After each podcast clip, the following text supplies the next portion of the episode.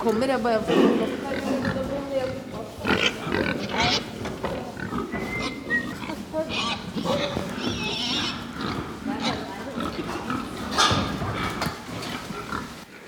Å drive med gris for meg, det betyr selvfølgelig også at vi skal tjene penger, men min påstand er at har dyra det godt og trives godt, så tjener vi også penger på det.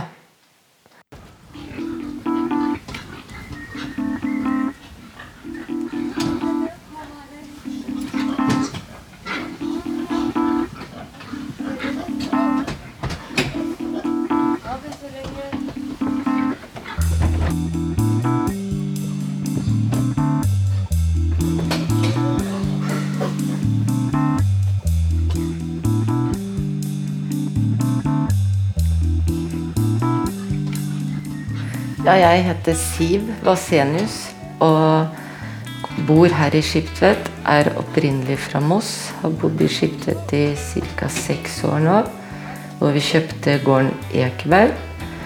Jeg er agronom og sivilagronom utdanna fra Norges landbrukshøgskole, som det het den gangen. Hvor jeg da gikk på Institutt for husdyrfag. Og da når jeg var ferdig på Ås, så begynte jeg med en gang i en jobb i Stormøllen som produktsjef. Og det vil si at jeg jobbet, hadde ansvaret for alle kraftforblandinger til alle dyreslag fra ender, ku, sau, geit, hest. At dyret skulle få det han skulle ha for alle møllene som Stormøllen hadde den gangen. Men så syns jeg det her, jeg som person da, synes det blei litt kjedelig å sitte bare på et kontor. Så jeg savna å komme ut i marka til produsentene. Og da var jeg så heldig at jeg fikk jobb i Nortura som spesialrådgiver på fôr. Og da kjørte jeg rundt til alle svinebøndene og storfebøndene. Og rett og slett elska den jobben. Både fordi jeg syntes det var fantastisk å være i nærkontakt med dyr og bonden. Og ekstra glad når jeg kunne gi ett råd til bonden som jeg i tillegg hadde virkning på dyret, som gjorde at dyret hadde det bra.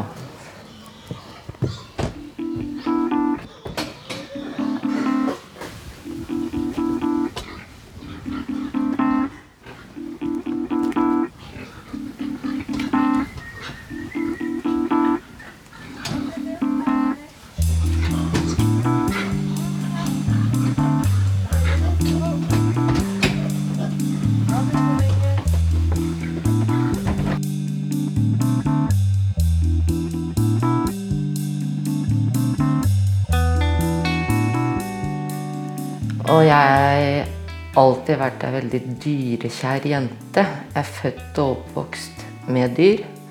Kjæledyr, hunder. Og så har jeg alltid vært glad i jakt og fiske. Altså det samspillet naturen gir oss, og vi kan gi tilbake til naturen, da. Det har jeg alltid vært veldig fascinert av. Så når vi flytta hit på Ekeberg, så sto det et grisehus her som ble bygd i 1990. Men de hadde ikke drevet med gris siden eh, 94. Og når vi flytta hit i 2012, så blei det da at vi valgte å gjøre om hele grisehuset. Og jeg fikk det sånn som jeg ønska meg, som mannen min pleier å si. og da valgte jeg en eh, innredning sånn at grisen går i store binger. For grisen, den er et flokkdyr. Han liker ikke å egentlig Han vil ha mange kamerater rundt seg. Han vil helst selvfølgelig vil ha minimum to. Men jo flere dem er, jo bedre er det.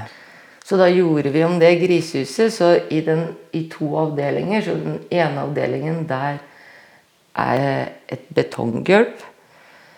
Og i den andre avdelinga så har de eh, går den på noe som heter talle. Dvs. Si at det er torv i bånn, og så er det halm på toppen. Og da har de et mjukt underlag hele tida som de går på.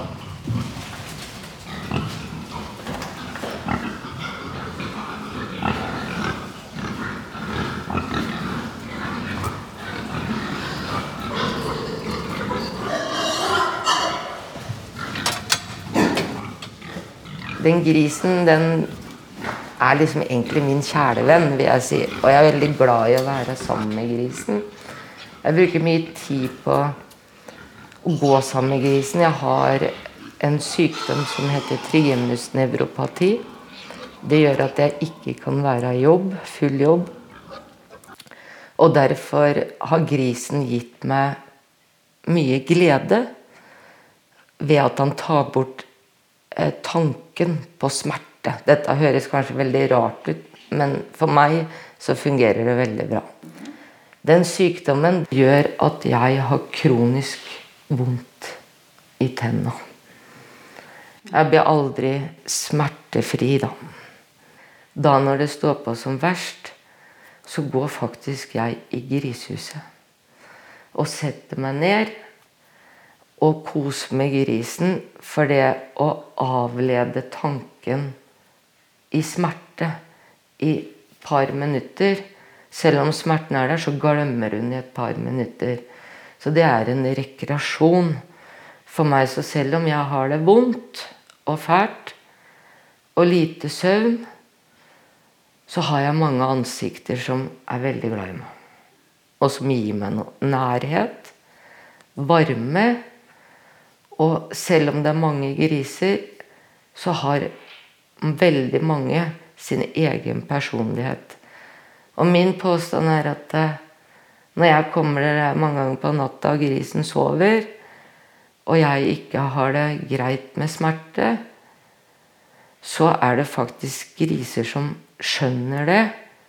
De er ikke plagsomme mot meg. De går ikke og biter meg ned. Altså, Grisen er veldig sånn han vil klype deg, og bite deg. Men da når jeg sitter der noen minutter, så legger de seg ned. Og da kan jeg faktisk kose med en vanlig norsk slaktegris. Da har du det fint? Hva ser du der? Å, du er flink jente. Har du gått med maten din i dag, eller? Når jeg går i grisehuset, så oppdager jeg noe nytt. Hele tida.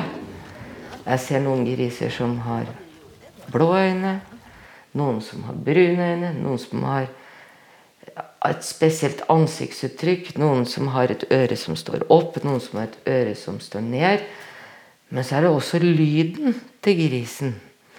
Og grisen, han vokaliserer, som vi sier. Og det er at eh, han grisen, han Når jeg kommer ned på natta, så snorker han.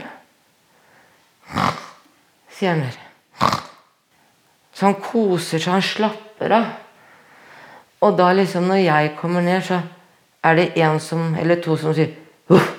Så sender de ut et signal til hele flokken, og så kommer alle 200 hundene opp, og så ser de på meg, og så Å, det er ja. Og da er det noen som velger av 195 kanskje, som velger seg til å gå bort og sove igjen i bingen. Og så er det noen som kommer bort og legger seg ved siden av meg. Det er sant at grisen er faktisk, vil jeg påstå, like klok som en hund. Du kan lære den til alt. Han hører på deg når du roper på ham.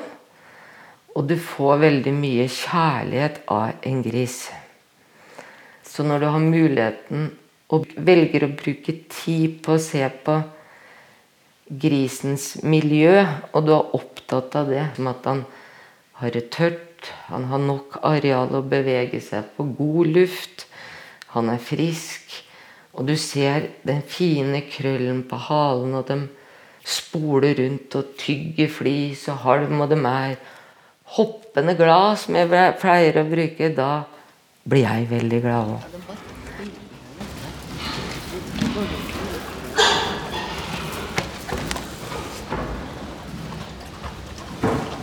Men det er en sånn kåsejente, du vet det.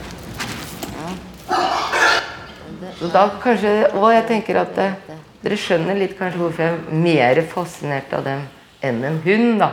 Fordi at de gjør så mye som egentlig ikke jeg var klar over i utgangspunktet. Mens de grisene her nede i fjøset, når jeg liksom er hos dem om kvelden og natta, og jeg finner på at å, skal vi kose oss litt? Så tar jeg en vannslange som vi har henne i hver hjørne, og bare når jeg starter den, så kommer det noen løpende som både vil drikke den og sånn, så tar jeg en sånn liten langkost med sånn skrubb på. Og så tar jeg skrubber for en gris den har jo ikke pels, den har jo bare bust. Og det er også noe som er dens naturlige øh, oppkom, kan du si. Det at ved han bader seg i gjørme og sånn, så tar han jo bort utøy. Som lus eller skabb eller sånne ting. Nå er jo ikke det vanlige norske svinebesetninger, men de elsker egentlig å klø seg. Så ved å skrubbe denne grisen og ta vann og sånn De storkoser seg. De står jo i kø for å bli skrubba. Men selvfølgelig, dette gjør jo jeg fordi det er noe som gir meg noe, men det er jo ikke noe som er nødvendig eller vanlig å gjøre. Men jeg gjør det fordi det gir meg glede. Det vil jeg òg påpeke at jeg hadde jo ikke fått den interessen hvis ikke jeg hadde vært, har den sykdommen jeg har som gjør at det er mye oppe om natta. Da hadde jo ikke jeg hatt interesse av å gå i fjøs om natta. Så det har jeg jo sagt til mange av naboene her. Da, det, er, det er ikke noe uvanlig at det er lys her på gården om natta, fordi da er jeg nede hos grisene. Så mange ganger så Hvis jeg har vært der nede om natta, så står ikke dem opp før sånn i 10-11-tida, for da har de fått stell og kos om natta, og så blir, kommer jeg heller ned utpå dagen. Så de kjører seg også inn etter mønsteret mitt.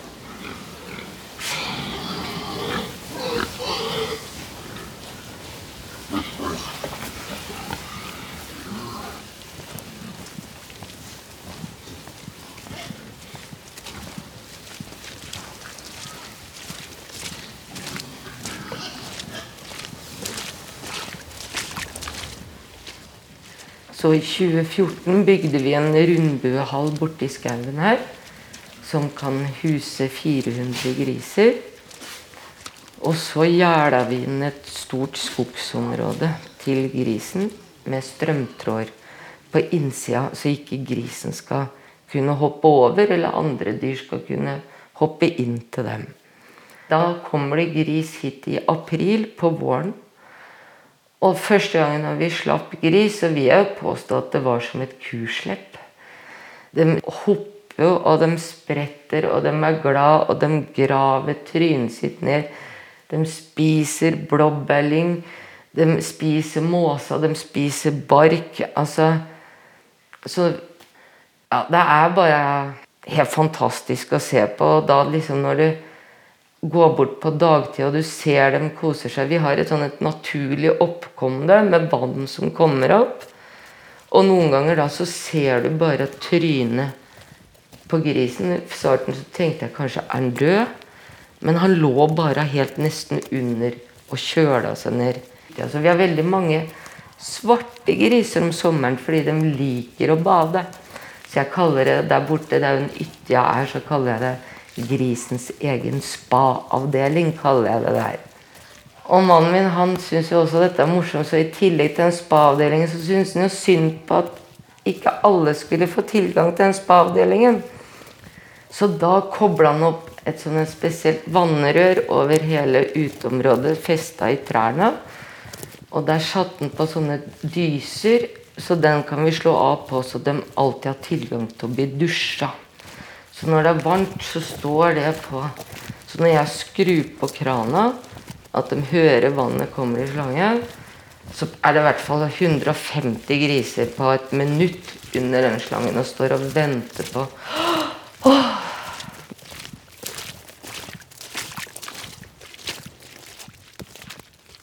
Det som er mest fascinerende når det blir mørkt, da, om sommeren liksom, når klokka er 11-12 så er det å gå bort, så hører du et snorkeorkester. Da er det noen som ligger ute inne og hører bare sånn Alle slapper av, koser seg. Og det gir en fantastisk glede. Så om sommeren, da, da når det er fint vær, så tar jo jeg med meg soveposen hvis jeg har annen tredje natt ikke jeg får sove, så legger jo jeg meg ut på utsida bingen og hører på. Så det gir meg som menneske samtidig at eh, jeg har smerte, så gir det meg samtidig veldig, veldig mye glede. Og grisen Jeg ville ikke levd uten.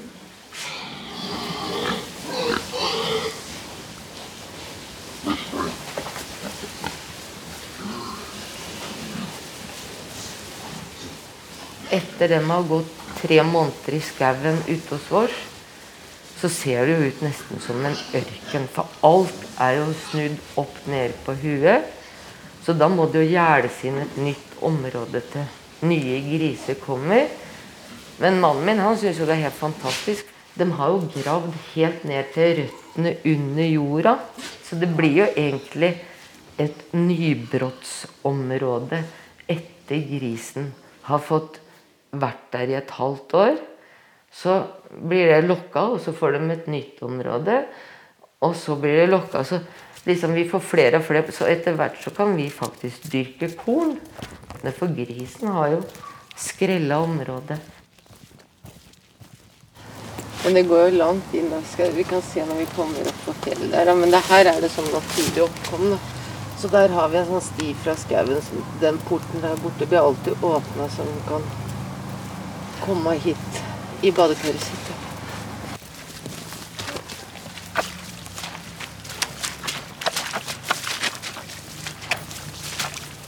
Her var det måse, grønt, blåbærlyng Det er ikke mer. Det var for feltene de trærne nå i vinter. Og så lukker vi her og åpner opp mer innover.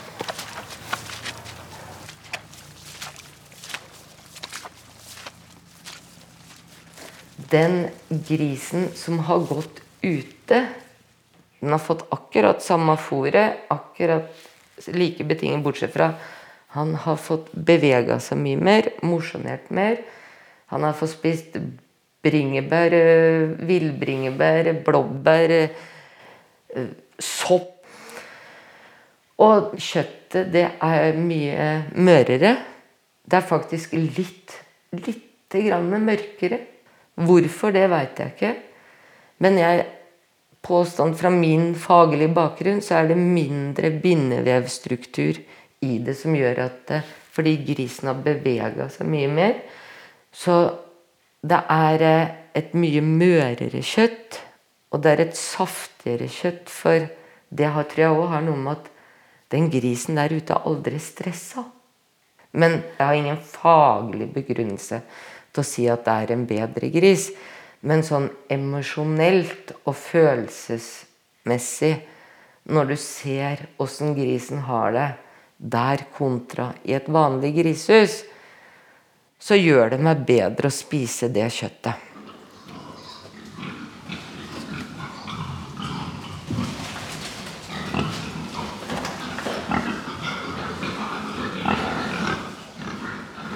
Og helsestatus på grisen om verkebilder, leddbetennelse Alle sånne rapporteringsting kommer opp. Og grisen som går ute her på Ekeberg, den har en veldig god helsestatus. Det er ikke noe lungebetennelse, ikke hjertesekk, ikke nyre, ikke leddbetennelse. Så helseeffekten er utrolig bra. Og veldig lite anmerkninger fra slakteriet på den biten der. Og også veldig lav dødelighet. Så for å skalere dette her, da, på, hvis vi tar helse først, så er det best helsestatus på utegrisen. Og så er det nest best i talla og dårligst i bingefjøset. Og det tror jeg rett og slett I bingefjøset så kommer det at Én eh, ting det er at de går på hardt underlag. Det kan fort bli beinproblemer og sånn leddbetennelse.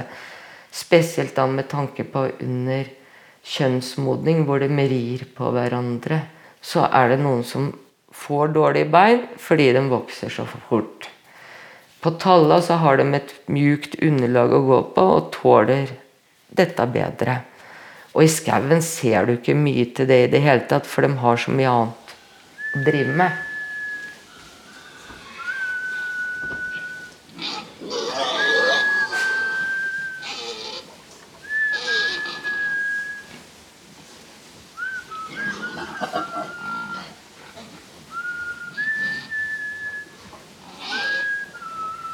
Hvis vi skulle hatt den ute om vinteren, da, så kan du si at da hadde vi egentlig hatt gris på 400 gris på hobbybasis. Fordi at det da hadde gått med så mye fôr. fordi at da, eh, siden grisen ikke har pels, da, og når grisen sier han veier rundt 130 kg, så spiser han 3,5-4 kg kraftfôr om dagen. Og da bruker han faktisk de kilomengdene der til å bare opprettholde kroppstemperaturen sin. Fordi det er så kaldt. Så da er det uttrykket at da fyrer vi med fôr. For en gris som går ute, han bruker i gjennomsnitt på fagspråket 0,2 kilo fôr mer for å legge på seg 1 kilo kjøtt. Samtidig så bruker han omtrent 15 dager lengre på å vokse de samme kiloene som man gjør inni et fjøs. Den utegrisen som vi velger å drive, da, det er ikke norsk tradisjonell griseproduksjon. Det er en driftsform som vi har valgt sjøl. Og det er da en gris som beveger seg mye mer. Dermed spiser den mye mer og vokser saktere. Og det gjør at vi tjener mindre på den grisen. For at jeg skal tjene mer på den grisen, så er jeg da avhengig av at eventuelt slakteriet, som er mottakeren vår, har en avtale si, med Norgesgruppen, Reitan-gruppen eller noen av disse.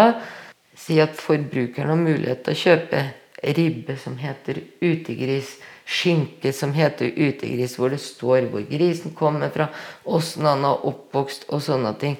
Det hadde jo vært en drøm, ikke bare for meg som produsent, men hvis det var noe det norske samfunn da, hadde vilt ha og betale for, og som da slakteriene kunne tatt imot. Så sier vi kunne vært flere produsenter som kunne drive med det. Men økonomisk så er ikke det mulig. Men som jeg sier, da Vi storkoser oss med å se grisen gå ut i det rette elementet. Det gir oss som bønder noe. Ikke bare penger, selvfølgelig skal vi leve av det òg, men det gir så mye glede.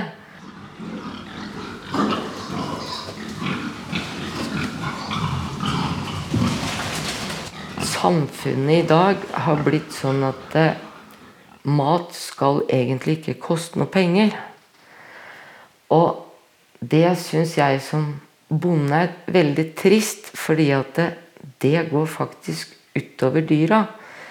For da blir det såpass krav til at en gris skal vokse så fort på kortest mulig tid. Så en gris han legger på seg i gjennomsnitt 1,2 kilo hver dag. Og det er kjøtt og ikke fett. Og da kan du si Når en gris vokser så fort, da For å si det har jeg ikke sagt, men en konsesjonsbesetning på slaktegris er 2100 griser du har lov til å produsere i året. Av de 2100 grisene så er det rundt 2% dødelighet. Min erfaring av dødelighet det er at det skjer siste ukene før slakt. Og, det, og da er det ofte hjertet. Og min påstand det er at jeg tror rett og slett at de vokser for fort. At grisen er stressa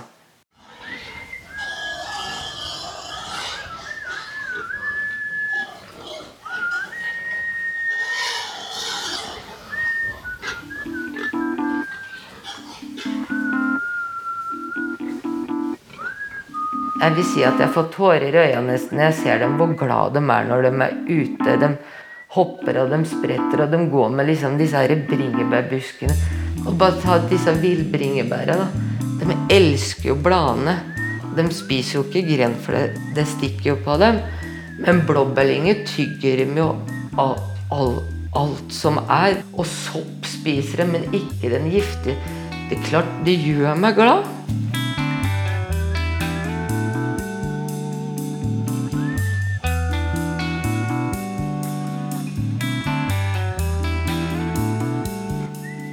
Jeg blei fulltids hjemme fra 2013. Og jeg vil si de fire åra har gjort meg mer og mer bevisst på både hvordan jeg vil leve, åssen dyra skal ha det. Og det har gjort at sansene mine Det høres sikkert veldig rart ut, men sansene mine er mye mer åpne for hva som er riktig, og hva som er galt. For før jeg var sjuk, så var jeg veldig opptatt av karriere. Jeg var opptatt av forskning.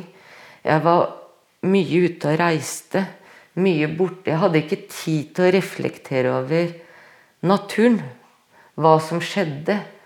Oi, nå kommer hvitveisen. Jeg så hvitveisen, men jeg tenkte ikke at Jeg hadde ikke tid til å reflektere over eh, ting som skjedde rundt meg.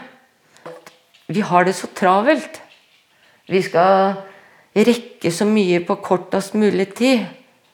Og vi skal tjene mest mulig på kortest mulig tid. Også vil jeg si en tanke som jeg tror aldri hadde slått meg hvis ikke jeg hadde blitt syk. Vi tar oss ikke tid til å reflektere over livet.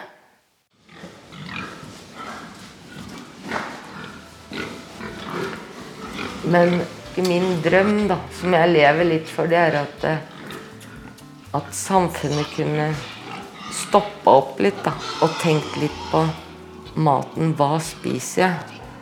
Og hvor kommer den fra? Og åssen har dyret det? Da hadde jeg blitt glad.